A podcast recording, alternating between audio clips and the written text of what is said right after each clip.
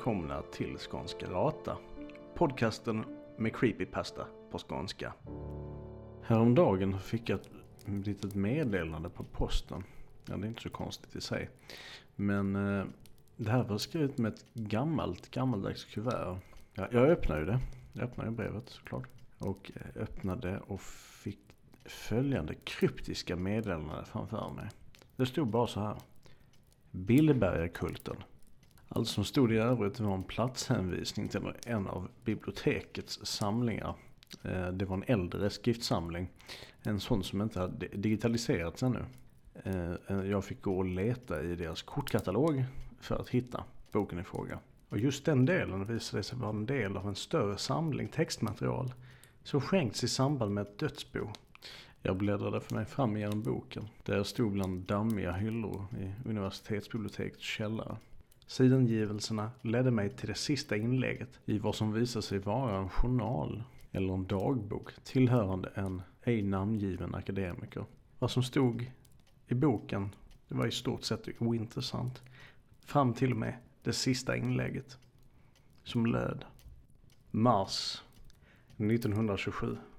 Det var i januari som vi flyttade in i de vackra men lätt dragiga vindsvåningarna. Huset var ett vackert sådant som byggts under förra seklets sistone hälft. Tack vare min, min professur vid universitetet i Lund hade jag och min hustru råd med en rymlig vindsvåning som utöver bostaden i sig inkluderade det västra tornet och det tornrum som fanns huserat däri. Vårt sovrumsfönster var placerat mellan husets västra och östra torn och medgav en förträfflig utsikt över husets huvudingång och den gamla kyrkogården som löpte från norr till söder precis utanför bostaden. Ja, kort sagt så var vårt nya hem något av en raritet med sina små avkrokar och mörka träpaneler. Jag har så länge jag kunnat minnas haft sömnsvårigheter och var därför uppe sent om nätterna ofta. Jag läste eller arbetade på mina översättningar eller skriverier. Så som många andra nätter hade jag den här natten tassat upp från sovrummet och i jakt på John Blund satt mig i biblioteket. Försiktigt, med handsk på hand, bytte jag sida i den gamla bok som låg uppfläkt på läsbordet framför mig. Boken som jag höll på att översätta, det var ett rejält kryptiskt stycke.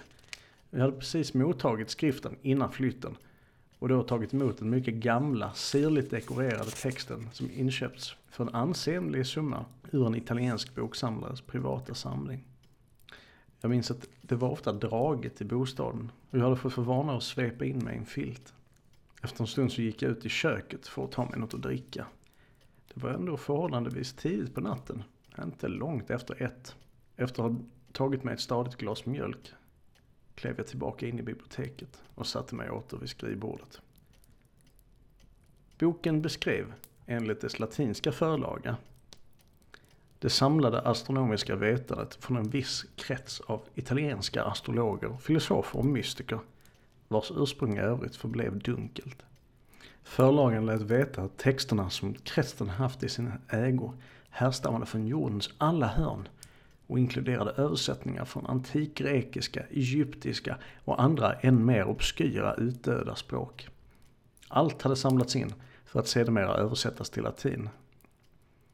Ja, ett av nöjena på ålderns höst så här var ju utrymmet att djupdyka i sådan skriftlig esoterika. Sida efter sida så bläddrade jag igenom. Ja, det var spännande stoff.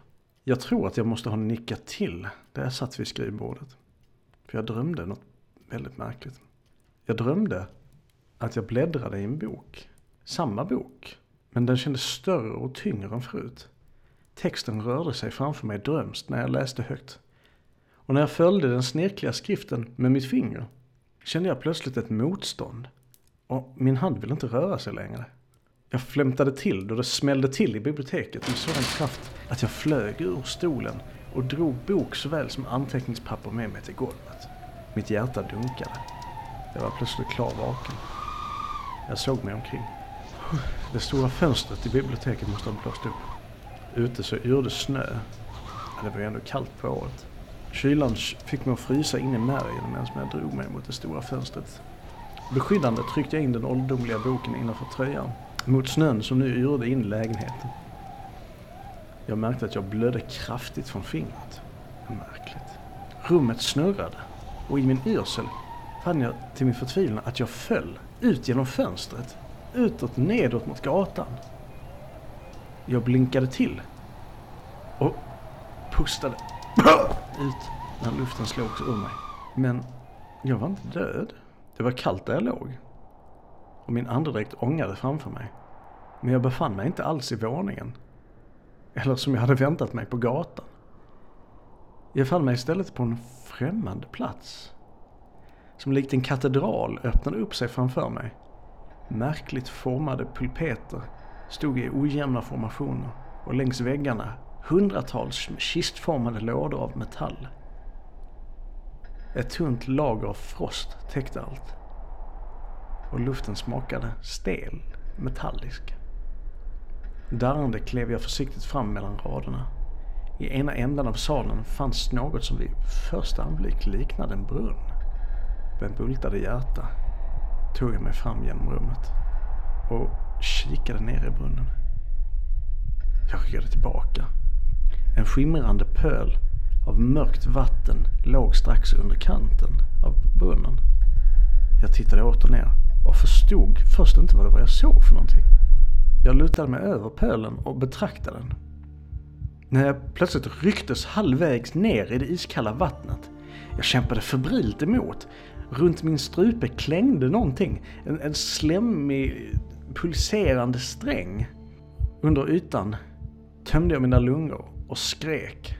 Och i ren reflex öppnade jag mina ögon och stirrade i vad som kändes som en evighet.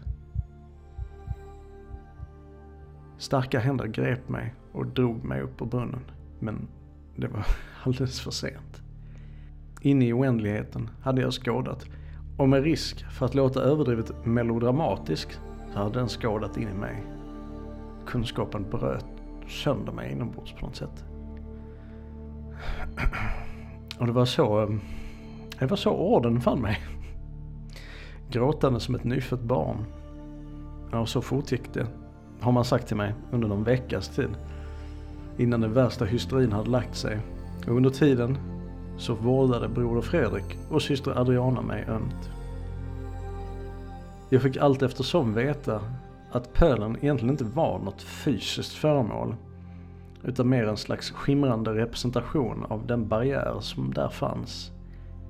Ett skydd mot sådant otyg som lever bortom stora och små varelser som med vansinnets eviga chatter och babbel ständigt söker efter ingångar till vår verklighet.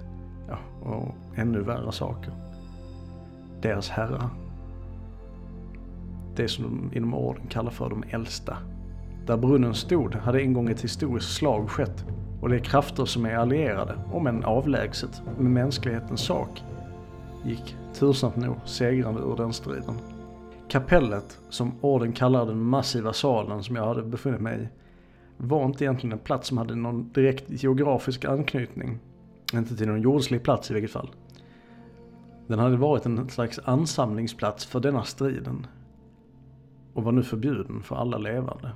Ja, hur jag kommit dit då kan ni undra. Jo, det var genom att ha läst ett stycke litteratur som tillhört en före detta ordensbroder. Den, just den italienska samlare ur vars dödsbo jag skaffat mig boken. Boken var en nyckel och mitt sinne ett lås. Han hade reproducerat den utan tillåtelse för vem vet vilka privata ändamål. När det här intrånget skedde lät vissa arkana band orden veta att någon hade brutit förseglingen på platsen man anar förstås det värsta. Så att när man kom dit så hade man varit redo för strid. En strid som man antagligen inte hade kunnat vinna. Istället så fann man mig. Man lät mig veta senare att orden, tillsammans med andra bundsförvanter, sedan länge stått nattvakt mot sådana väsen som vill oss alla illa. Och jag vet nu att dessa väsen tillbes och hedras av mänskliga bundsförvanter.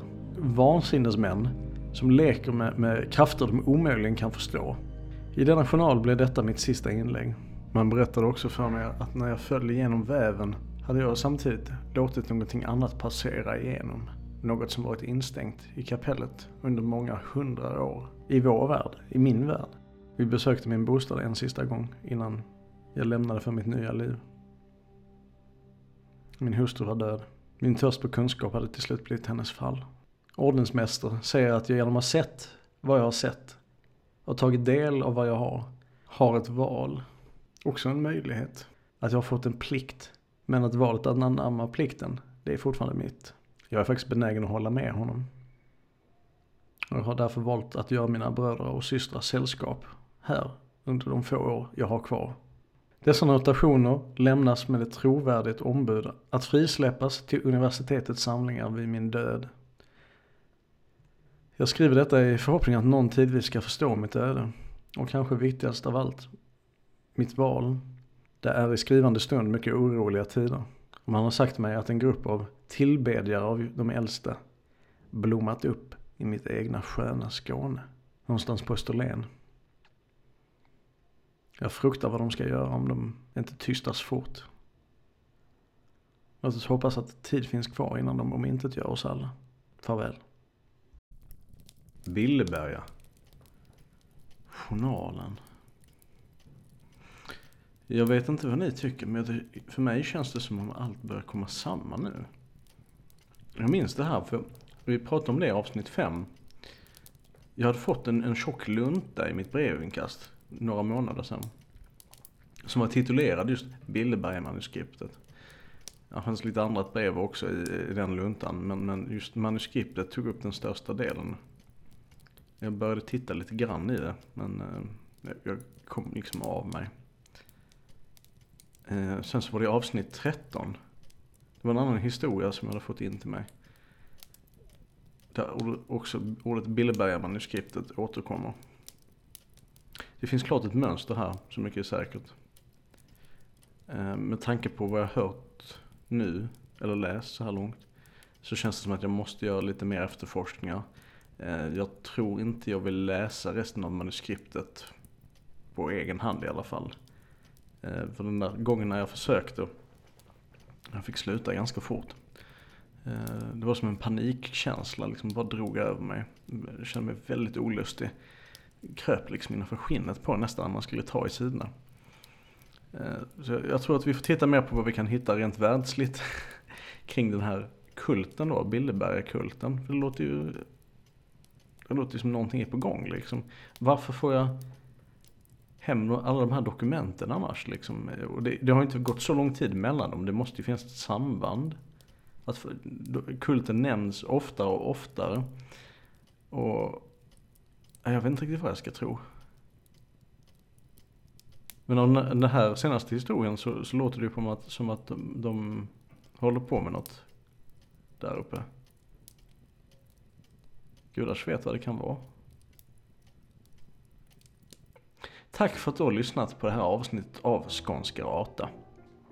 Har du kommentarer, feedback eller vill bara säga hej så kan du gå in på skanskarata.wordpress.com Lämna gärna en recension på iTunes. Då det är jätteviktigt om vi ska få fler att lyssna på podden. Vill ni lämna en donation så kan man göra det på patreon.com slash skånskarata. Det är allt för denna gången. Vi hörs nästa gång. Hej!